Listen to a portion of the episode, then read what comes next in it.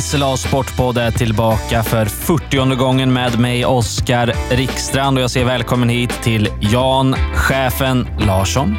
Tack snälla. Och vid din sida har vi Linus Hellman. Hej Oskar. Det är vi tre som sitter här i studion idag. Vi saknar Erik Augustsson. Vi får försöka klara oss. Det ska nog gå ganska bra ändå. Vi har en del att gå igenom. Eh, vi har handboll och fotboll framför allt som vi ska fokusera på idag. Det har hänt mycket. En del smaskiga skandaler som vi ska sätta tänderna i. Men först ska jag fråga er hur ni har haft det sen vi såg senast. Börja med dig Larsson. Dina sju senaste dagar. Vad kan du säga? Ja, jag var ju ledig i helgen och sådär, men jag följde ju naturligtvis eh, i eh, våra lag och deras eh, framfart. Så mycket intressant. Och så rent privat så, ja, varit ute och rört på mig faktiskt. Jag kör en sväng hemifrån som är ganska, ja det är, för mig är det ganska krävande. Eh, det är ju Vårfrögatan upp och så går jag längs med Cementa uppåt där och sen så kommer man upp på, vid Brandstorpsvägen och så går man, det här låter ju häftigt, Elitsticket upp då. Det är ju där med de här ska hålla på och göra ordning för skidor och sånt. Då kan man ta sig upp på berget den vägen. Så att, eh, och sen när man går tillbaka kan man gå den branta backen och har man en fantastisk utsikt över Skövde. Så att det där brukar jag ta ibland. Jag passar på nu när det var hyggligt väder här. Det är en trevlig runda. Jag har sett dig, Du går snabbt. Ja, men man får ju försöka. Här ska man ju springa då naturligtvis och så där, det gör väl också. Men det kan räcka att gå för då är det upp för i princip hela vägen, ungefär 2,5 kilometer. Så det är bra. Det är elitsticket. Vad har vi på det? Ja, vad har vi på det? Det är ju det man har väl gjort i ordning den för i första hand är det väl för SM-veckan 2023 då, som det är en jäkla brant backe. Och sen är det ju långt, det är ju gamla sju och halvan egentligen kan man säga och lite på det här lila milen som många eh, gillar. Och sen håller man ju på eh, lite längre bort nu och gör ytterligare. Då. Och det är väl både blandade känslor bland folk jag läser på, på i våra insändarspalter vad man tycker om det. Då. Men eh, jag tror det ska bli ganska kul och bra för att eh, ska vi ha en SM-vecka så krävs de här krävande banorna. Och har man nu bestämt sig då är det lika bra att köra racet fullt ut tycker jag. Håller med, håller med. Linus, rikta blicken mot dig. Hur har du haft det sen vi såg senast? Jo, men det har varit bra. Det har varit eh, mycket hektiskt arbetande eh, de här dagarna. Och det, ja, pandemin är ju över kan man ju nästan säga nu för att eh, det, allt är igång. Det var ju en späckad helg med alla möjliga idrotter här. Handboll, fotboll, ishockey, innebandy. Allt var ju igång. Och jag följde väl lite också Stockholmsderbyt tittade jag på i, i söndags. Det missade jag inte. AIK-Djurgården där som också var tillbaka inför 42 000. Det var ju häftigt att publiken kom tillbaka där. Mm, det är alltid dramatiskt när det är Stockholms derby. Det var drama även kring den här matchen. Jag såg AIKs anfallare där, Nicolas Stefanelli. Han fick ett ganska spektakulärt rött kort i första halvlek av den här matchen. Ja, verkligen. När man fick, han fick sin andra varning i matchen då när han hade gjort mål på stopptid i första halvlek och jublade lite för mycket då, men tog av sig tröjan och fick sin andra varning och visade sig ut. Det var ganska brutalt måste jag säga. Ja, rött kort för ett målfirande, det ser man inte varje dag Larsson. Nej, verkligen inte. Men regeln är väl sån. Så att, eh, men det är klart, det var väl eufori med 42 000 och alltihop där, så han åkte väl med. Det var synd om killen tycker jag på något vis. Det saknar man lite här på Södermalms IP och sådär, att de drar av sig tröjan när de är mål eh, spelarna. Har ni sett det någon gång, Skövde AIK, IFK Skövde? Har ni sett någon dra av sig tröjan när de firar? Jag har inte det. Ja, men jag tror jag gjorde det när eh, Viktor Granat eh, sköt upp Skövde AIK till ettan eller något sånt där. Då tror jag eh, tröjan åkte av. Mm. Man gör väl det i någon slags eufori, antar jag. Annars är det ju de här lite mera, jag tycker ändå de har firat målen ganska bra nu. Syns att Skövde AIK har bra självförtroende, men en annan grej, om jag gillar ju att dra lite äldre historier, så kommer jag ihåg eh, när eh, han, eh, som vi brukar prata om ibland, Francisco Verona, han som hjälper Charbel nu med IFK Skövde då. När han kom som spelare från Las Palmas i Skövde AIK, han var, det måste jag säga, han var otroligt bra. Det var han definitivt. Det var ju känsliga fötter så det var det vissla om. Men när han gjorde mål och det syntes det ju att har man spelat i, i den här La Liga och, och så här, då gjorde han ju lite maner på sina firande då. Och det var ju skönt att se. Det var lite från den stora fina världen tycker jag. Mm, det låter uppfriskande. uppfriskande. Eh, om jag ska tänka tillbaka lite hur jag har haft det senaste veckan så har ju jag varit på resande fot lite grann. Vi pratade om det förra veckan. Du skickade mig ner i landet Larsson till Kristianstad. Jag tänker att vi ska ta avstamp där lite grann. Eh, IFK Skövde mötte Kristianstad i fredags. Känns som att det var ett tag sedan nu, men eh, den här matchen lever fortfarande vidare. Det blev ett efterspel där som vi kommer till, men jag vill att vi börjar lite med den här matchen som Skövde förlorade med 24-26. Det var Skövdes tredje raka förlust i handbollsligan Vad minns du från den matchen Linus? Nej, men framför allt så var det ju inramningen i Kristianstad Arena. Att det var ju första matchen på 19 månader när publiken var tillbaka, så det var ju 4200-300 där, va? absolut. Så att, eh, det minns man ju. Det var ju en väldigt härlig inramning. Och matchen som sådan var ju, ja, det var ju jämnt i första halvlek. IFK Skövde hängde ju med och ledde väl också bitvis där. Tappade ledningen i slutskedet på första halvlek och eh, sen ryckte Kristianstad efter eh, paus då och såg ut att ha avgjort matchen. Men eh, ja, som du var inne på, det blev ju ganska kaotiskt och jämnt på slutet där. Mm, mm. Som du sa, det, inramningen den var påtaglig, verkligen när man var på plats. Eh, I Kristianstad så är ju allt ganska uppstyrt vad gäller press och media. Så om man jämför med eh, både IFK Skövde och andra lag i ligan. Allt är väldigt eh, professionellt och sådär. Man får en stol som fotograf, sätt dig där och fota matchen därifrån. Jag hamnade precis intill Kristianstads klack då och eh, ja, det var öronbedövande tryck. Eh, nu har ju öronen inte fått så mycket tryck på de senaste ja, vad är det, 574 dagar fick vi det till Larsson sen vi hade publik senast. Så att, eh, ja, något speciellt, det var omskakande nästan ja. att vara med om det faktiskt. Hur var det från, från din soffa hemma här i Skövde, Larsson? Ja, men det var ju naturligtvis jätte, jättekul att se det här och de, de lyckas ju faktiskt i Kristianstad också och få dit folk, för det är ju som det vi pratade om förut. Och det kommer vi in på senare också då, tror jag, hur man lockar tillbaka publiken, men det hade man ju lyckats med också. Och, ja, det var ju samma, jag satt hemma framför tvn och såg på torsdagskvällen eh, Frölundas hockeymatch där. Med, det var ju också nästan 11 000 då och det var det ju tårar som rann liksom. Och det gjorde det väl även i Kristianstad på fans och annat. Så att eh, man förstår ju att det, det var oerhört eh, eh, känslosamt för många. Och det var det även tycker jag när man satt hemma i tv-soffan och tittade. För att det hade man nästan glömt bort hur det var. Mm. Och all den här laddningen mynnade ut i ett eh, drama som avgjordes under slutminuterna. Och eh, det är de som har blivit så omtalade då. IFK Skövde låg under med två mål. Kristianstad ledde med 25-23 när drygt en minut återstod. Då tog Jonas Wille, Kristianstads tränare, timeout för att samla sitt manskap. När man kom ut på planen igen så gjorde man det med en spelare för mycket. Man hade sju spelare och en målvakt, vilket är mer än man får ha.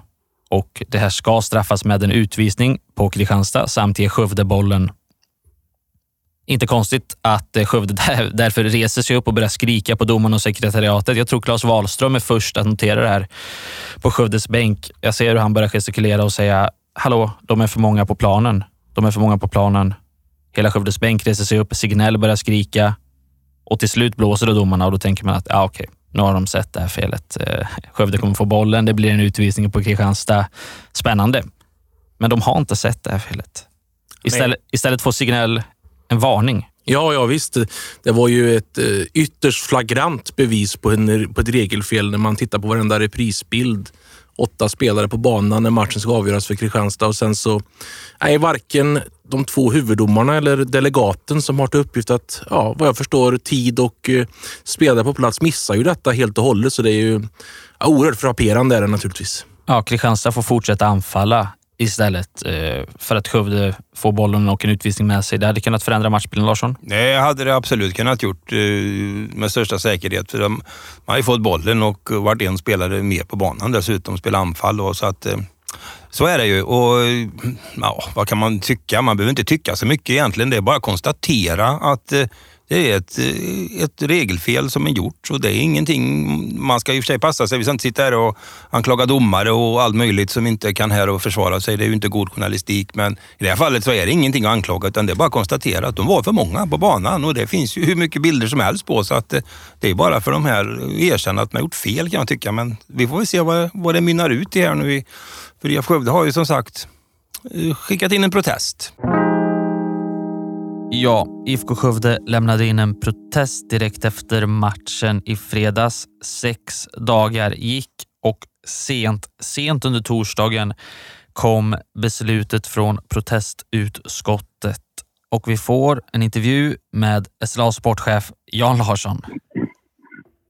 SLA Sportpodd sover aldrig. Klockan är halv tolv. Torsdag är på väg att bli fredag och vi har precis fått där efter efterlängtade beskedet kring skandalen i Kristianstad där IFK Skövde protesterade mot att Kristianstad var för många på planen. Man lämnade in en protest mot det och eh, nu har beslutet kommit här sent, sent under torsdagen. Det blir omspel i Kristianstad. Protesten går igenom. Larsson, du är med på linan här. Hur är det med dig och hur reagerar du på det här beskedet? Ja, jag är med. Jo, men vi fick ju det här ganska nyligen då, så att eh, nej, jag reagerar ju väldigt positivt på det här. Och att det nu blev, för ja, egentligen tycker jag det känns logiskt på något vis. För att man sett och, och, och, hur det verkligen gick till så är det ju ett flagrant eh, fel som har gjorts. Och, eh, då tycker jag det är inte mer än rätt än att, det ska spelas, eh, att man ska spela om helt enkelt. Och jag har ju läst vad de har skrivit här till kvällen då via Eko Skövdes hemsida som la ut där. Och det står ju då att eh, man anser helt enkelt att det här har varit matchavgörande och det var ju slutet av matchen. Så att jag, tycker det känns, jag tycker det känns väldigt, väldigt bra. Jag, jag vågar knappt, man vågar knappt inte tro på att det skulle bli så, men jag tycker det känns helt rätt. Mm, eh, det känns rätt kanske, men visst är det lite förvånande också? Man trodde väl kanske att eh, man skulle bifalla den här protesten utan någon åtgärd? Ja, det har vi ju varit inne och funderat lite grann runt med tanke på vad som har hänt eh, i i en annan match här som ganska nyligen på damsidan då, när det blev så. Men eh, Ja, nu har man väl gjort det. Vi får väl givetvis följa upp det här och, och, och syna det närmare i sömmarna. Men eh, enligt vad man har sagt här så, så, så, har man väl sett att det var så pass. Eh, och det är klart att det är. Jag menar, vi vet ju alla. Det hade varit en utvisning och eh, Skövdes boll med lite tid kvar. Så det är klart att det är matchavgörande. Men jag tycker, jag tycker det är bra och, att det blir så här också. För att då ser man också att när det blir sådana här övertramp då måste det också få lite konsekvenser. Mm, om jag bara kort läser det som protestutskottet har kommit fram till här, så konstaterar man att Kristianstad skulle haft en bestraffning och därför ska spela med en man mindre under de här sista minuten. IFK ska starta spelet med ett frikast vid deras avbytarbänk. Matchklockan ska stå på 59.00 och eh, av allt det här gör man en samlad bedömning att det är matchavgörande och hela matchen ska spelas om. Eh, det står också att Kristianstad har möjlighet att överklaga. Man har tre veckor på sig att överklaga beslutet. Det är väl inte helt otänkbart att de kommer göra det, eller? Ja, svårt att uttala mig om. Jag, jag, jag har väldigt svårt att se vad det skulle kunna ge egentligen beroende på att det, det var ju som vi har pratat lite grann om på, på redaktionen i veckan. Det här är ju ingen det är ju ingen, själva felet är ju ingen bedömningssak. Det är skillnad när det kommer till sådana saker. Utan här är det ju ett bevisat riktigt stort misstag som har gjorts. Då, liksom. och sen, den enda bedömningen som kommer i frågan det är om man har bedömt det matchavgörande eller inte. Och, och det har man gjort. Då. Ja, jag har svårt att de... Eh, jag hoppas verkligen att de tar det här på rätt sätt och inser att det är på det. För det kommer kanske till och med i ett längre perspektiv gagna dem själva. De kan ju vara ute på det själva vid ett annat tillfälle också. Då kan det vara bra att ha statuerat ett exempel här. Ni kanske hör att det plingar i bakgrunden här och undrar vad det är som försiggår. Det är sms från Jonas Ville. Klockan är 23.35.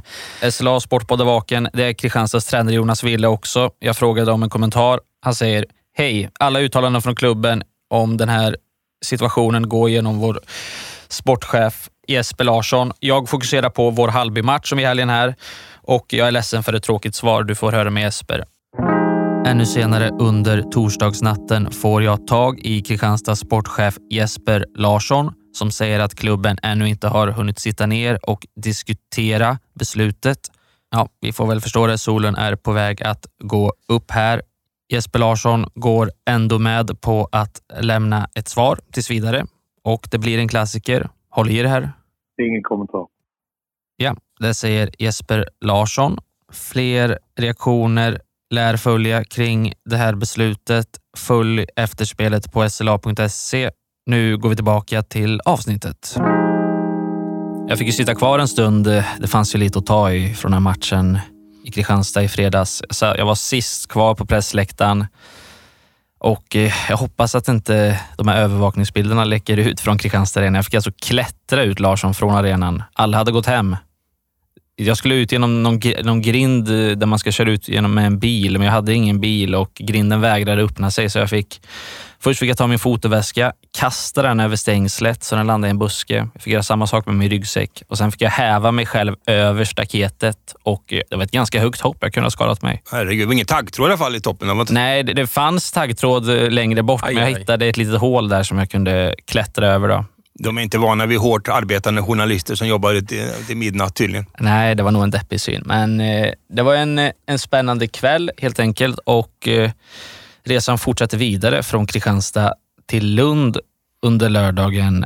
Det var en knapp timme till Lund och där skulle Skövde AIK alltså spela på bortaplan. Så har ni sett den här matchen? SAIK Lund. Ja, Ja. absolut. Jag har sett den också. Båda säger jag. Mm. Skövde AIK körde över Lund med 5-1. Vad tycker du om den matchen Linus? Ja, att det var en underdrift naturligtvis. 5-1. Jag skulle, 10-2 skulle jag kunna säga till Skövde AIK efter att ha sett det som utspelade sig. Det var ju ett fullständigt eh, överlägset Skövde AIK som skred till verket och eh, var på spelhumör. Eh, så att, nej, det var jättebra spel och firma Mikael Mörk, William Granat, Daniel Ask då, och så Viktor Granat, eh, hans bror, Williams bror. då, De skapade ju massvis med chanser så att eh, det var, ja, det var sevärt.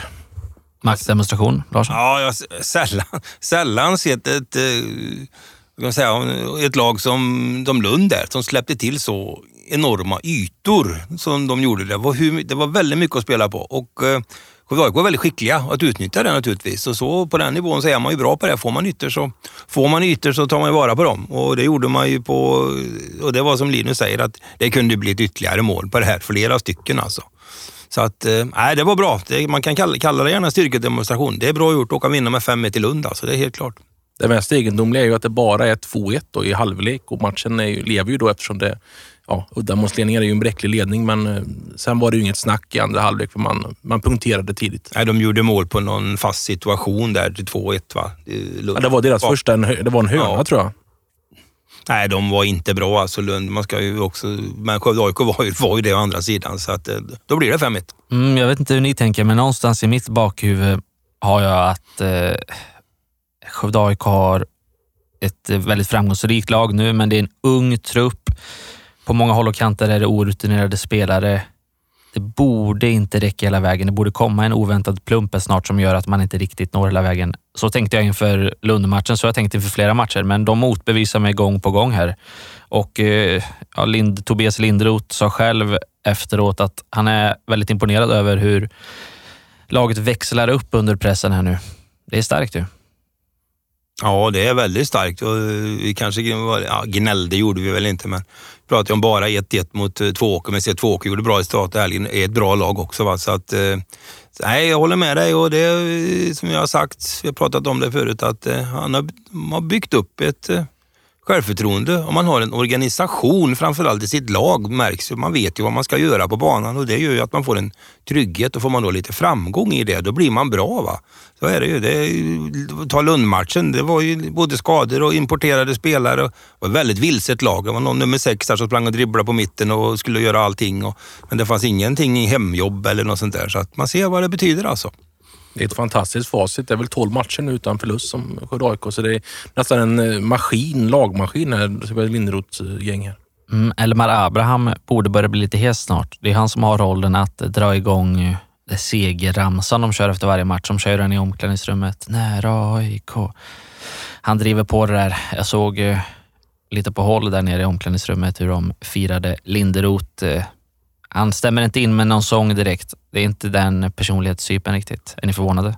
Han, kla- han klappar händerna och nynnar lite Linderoth, men Nej, men han ligger väl lågt i alla lägen. Liksom. Så verkar han väl gjort hela karriären och jag tror att det är en alldeles utmärkt inställning också i det här på något vis. Va? För att, eh, men sen låter de ju killarna både spela ut och släppa loss. Och I det sammanhanget tycker jag man ska också lyfta fram eh, det korta inhopp på slutet som Amer Ibrahimovic gjorde. Visar på, på en väldigt god inställning att komma in. Han är säkert inte nöjd över att han inte får spela 90 minuter varje gång, men han kommer in och har ju två fantastiskt fina framspelningar de två sista målen, om ni kommer ihåg. Så man kommer runt på sin högerkant och slår in och det är väl avvägda inlägg. Alltså, så att, eh, det visar också på att man, man är tacksam och tar det man får liksom, och, och gör det bästa utav det. Och det är bra lag som gör det. toppstriden blir allt verkligare för Skövde AIK. För eh, ja, båda konkurrenterna Trollhättan och Oskarshamn tappade ju poäng i samma omgång, vilket gör att läget börjar bli ganska allvarligt för Skövde AIK. Det finns en realistisk chans för dem att ta sig upp i superettan. Vi pratade om det på vägen in till studion. Vad säger du Larsson? Du har tittat på deras schema lite och ja, du höjer ett finger för sig. Ja, det ser ju ganska, om man nu kan säga att det finns eh, lättare matcher i slutskedet på serien när folk slåss sin existens, så kan man väl ändå konstatera att om man tar sig ända fram till de två sista omgångarna så slutar man ju mot eh, Assyriska då, hemma och sen har man ju Linköping borta i sista och eh, utan att vara för djärv i sina tips så ja, Linköping är väl redan nu nu och Assyriska kan säkert vara ur då också. För de har, eh, så att, och sen har de väl Utsikten är ju ett lag som man får varna för. Men de har Skövde AIK hemma. Utsikten borta däremot, det är ju en tuff match på någon lite halvhalkig konstgräsplan på Rudalen i Göteborg. Men eh, nej, och Trollhättan borta, det är ju nyckelmatch. Den är ju svår naturligtvis. Så de har efter Lindome-matchen hemma på lördag nu. Det blir en... Där. Sen kan jag nog tycka också, man lägger till att jag hoppas faktiskt inte att Skövde AIK kliver upp i serieledning här relativt omgående. Jag tror nog att det är lite bättre att ligga där tvåa, trea någonting och smyga med. Det tror jag passar laget bättre för att gå ut och vara en jagad serieledare. Ja, det, det är inte alltid så lätt. Nej, nej. Vad tror du Linus? Nej, ja, det är ju fantastiskt spännande. Alltså sju omgångar kvar och man, man är bara några poäng efter topplagen där. Så att, eh, ja, kan man, eh, kan man bevara det när man går in, som jag sa förut, i de fem sista omgångarna, då måste man ju på allvar börja, eh, ja, då kan man på allvar börja tro på detta och det är ju helt, det trodde man ju verkligen inte innan serien att Skövde AIK skulle aspirera på att gå upp i Superettan. Det fanns inte i min värld i alla fall. Jag kom ju hem från Lund till slut och tur var det för att eh, igår under tisdagen så tog jag plats i Arena Skövde igen. Då, ursäkta mig. Då spelade IFK Skövde en ny handbollsmatch hemma mot IFK Ystad och det var första matchen IFK Skövde spelade sedan man har släppt på publikspärrarna. De fick fylla arenan för första gången på över ett och ett halvt år.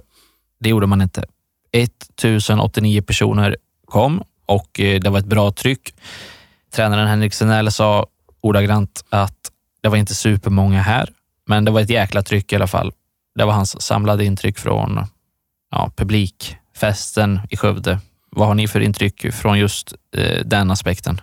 Ja, jag tycker det är ganska uppseendeväckande att det inte var fler personer heller som tog chansen då när man har avskaffat restriktionerna och man kan eh, gå på idrott igen. Men eh, man kommer till matchen med tre förluster i rad. Jag vet inte om det ska vara någon brasklapp i sammanhanget också då.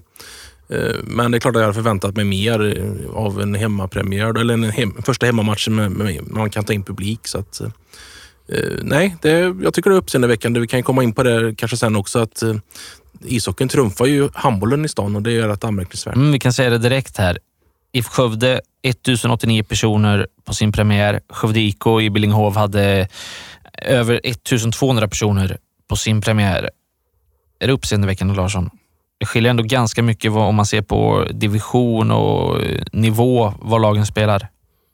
Ja, kanske inte ändå. Eh, om vi nu tittar lite grann under normala omständigheter. Skövde IKs premiärmatcher har historiskt sett alltid dragit mycket publik. Det finns alltid stort intresse och Billingehov drar ju i sig. Och sen hade de, tycker jag också, de hade väl fått lite smart marknadsföring också på något vis med det, men det här var ju väldigt omskrivet, sitt nya intro och massa sådana här grejer som säkert spelar in. Va? Men eh, Ja, någonstans. Och sen när det gäller IFK där, ja, 1089, det är ju en väldigt låg siffra för att vara dem och jag trodde absolut att det skulle komma upp till 1500, det måste jag säga.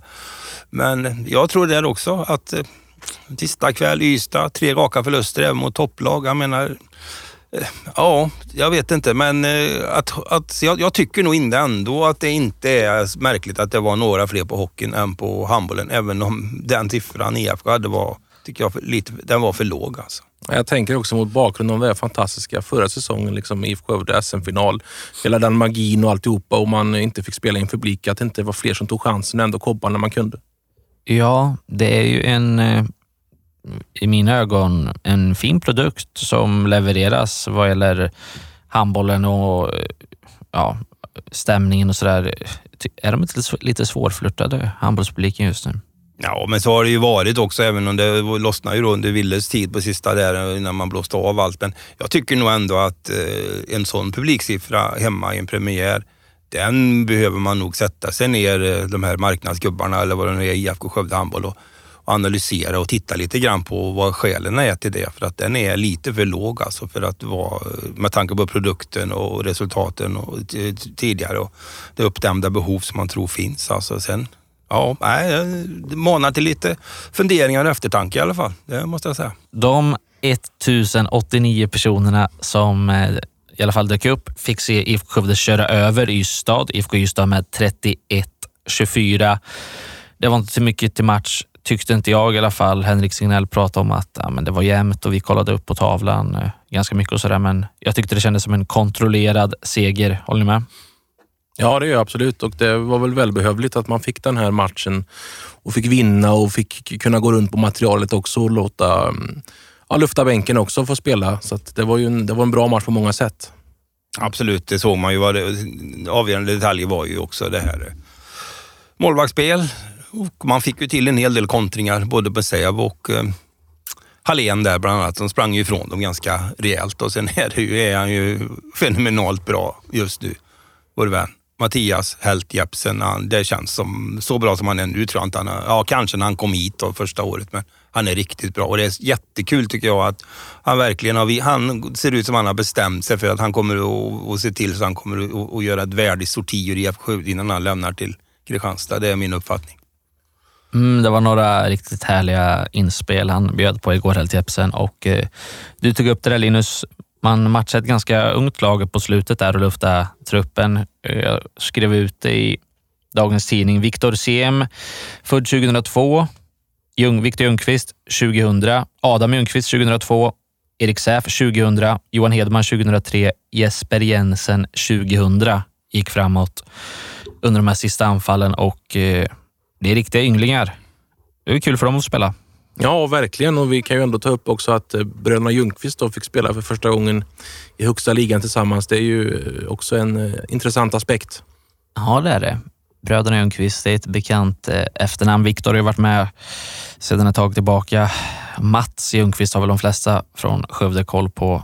För de som inte har det, Larsson, kan du säga om Mats Ja, det är ju en riktig ikon. Alltså det, är, det är ju den där, som jag kallar dem för, första generationens eh, elitspelare i Skövde. Det var ju de som förde upp IFK och såg till så att det blev fantastiska år där redan på 90-talet. Och Mats Ljungqvist var ju en mycket, mycket, mycket bra eh, mittnia i det laget alltså. Ganska komplett. Det är roligt att de här sönerna ser ju nästan likadana ut. Han har väl verkar, han har lärt ut det mesta till dem. Det finns tydligen en tredje också, en 14-åring som också ser likadan ut. Så vi får se vad, det kanske blir tre till slut. Men, nej, men Mats är ju bra och det som man tänker tillbaka då, eh, mina historiska tillbakablickar, det är ju då när IFK var i semifinal mycket mot RIK. Ställdes mot Stefan Lövgren, Jubemir Vranjes, eh, Peter Gentzel och allt vad de heter. Martin Frändesjö på kanten. Sverige var en stormakt i handboll. De var, missade ju inte en medalj på ett mästerskap. Mats Ljungqvist och de var ju ihop med Jerker Nyman, då, en parhäst på, på linjen exempelvis. De var ju aldrig med i något landslag eller någonting, men konkurrensen var knivskarp. Hade han varit i en annan generation, Mats, hade han säkert gjort 50-100 landskamper också, det tror jag. Så bra var han. Mm, mm. Vad är det man säger? Linus Äpplet och trädet, så där, de faller inte... Nej, precis. Så äpplet faller inte långt från trädet. Just det, just det. Mm. Ser lovande ut på den fronten. Till helgen ska IFK Skövde spela borta mot Redbergslid. Vi kan ta oss dit eh, snart. Jag tänker att vi ska skicka ut två gratulationer från podden. IF Tymer. Ja, grattis till avancemang till division 5. Mm. Och Voms IF va? Ja, och grattis till avancemang till division 2. Mm. Det är kul med Tymer där tycker jag. Det kan man väl konstatera en sak att eh, som det ser ut i fotbollens eh, lokala värld och det räcker ju tydligen att du har någon med efternamnet Granat så blir det framgångar. AIK har ju två då, bröder. Eh, William och Viktor. William och Viktor. Så det är väl kusinen då, Filip. Om jag såg rätt så gjorde han väl målen va? Samtliga. Han är glödigt där kan jag lova dig i Tymer alltså. Ja precis va. Så att det där, granat lika med framgång. Sen vet jag inte, han Gustav i Degerfors är väl skadad va? Det är väl snart dags att han kliver in i handlingen så kommer väl Degerfors och knuffa ner IFK Göteborg till superettakval så blir det matcher nästa år mellan Skövde AIK och IFK Göteborg på Södermalm. Det vore något det. ja, det skulle vara något. Det skulle vara något. Nej, jag hoppas inte det sker naturligtvis. IFK Göteborg ska vara i högsta serien, det ska vara ett bra lag. Men, men som det ser ut nu så är, är det, det, inget av det är en utopi alltså. Nu hör jag musiken rulla i lurarna så att vi ska börja avrunda avsnittet. Jag ska fråga er hur blickar ni fram emot helgen som väntar här? Linus, du ska vara ledig va? Ja, jag får några lediga dagar absolut. Så att, eh, jag har inte riktigt planerat, men det blir ju, jag kommer att fokusera lite på trav tror jag på lördag. Där. Det blir eh, SM-tävlingar på Åby, ganska fina tävlingar. Där kommer jag nog eh, sitta framför tvn. Måste fråga, du ska hålla dig inom rikets gränser på en ledig helg alltså? Ja, det ska jag göra. Jag, jag surfar vidare i tankarna på min Italienresa sist där, så den, jag lever på den. Och det lovar du alltså? Det lovar jag. Jag kan avslöja en hemlighet. Han har sagt där förut och rätt som det så ser man något på Instagram någon annanstans ifrån. Så att vi är aldrig helt säkra på Linus. Jag vet inte, vad ska du göra Larsson? Du ska du lämna... Jag ska jobba. gränser? Ja, du ska jobba. Eller hur? Jag ska jobba. Det blir fotboll. Kanske ishockey på söndag. Sen har vi ju då matchen RIK. Ja, du skickar mig. Du har sagt mig Ja. flera gånger, åk inte till Lisebergshallen för att se där Beslid IFK. det är bara en, eh, vad jag förstår, öppen plats. Den rev de ju. Nu ska vi till Serneke Arena uppe i Kviberg. Den här fantastiska anläggningen med skidspår och fullstora fotbollshallar. Där har man ju en möjlighet att spela handboll också. Inte så glamorös den hallen, men eh, eh, har du inte varit där förut så är det ett spännande bygge att se alltså. Där uppe i Serneke. Ja, jag lovar att eh, berätta för er nästa vecka hur det var och vad jag såg. Tack för idag hörni. Bra jobbat. Tack själv. Tack själv. Och så säger vi tack till de som har lyssnat. Tack, Ja. tack. Det gör vi absolut. Och så hörs vi nästa vecka. Ha det bra. Hej då. Hej då.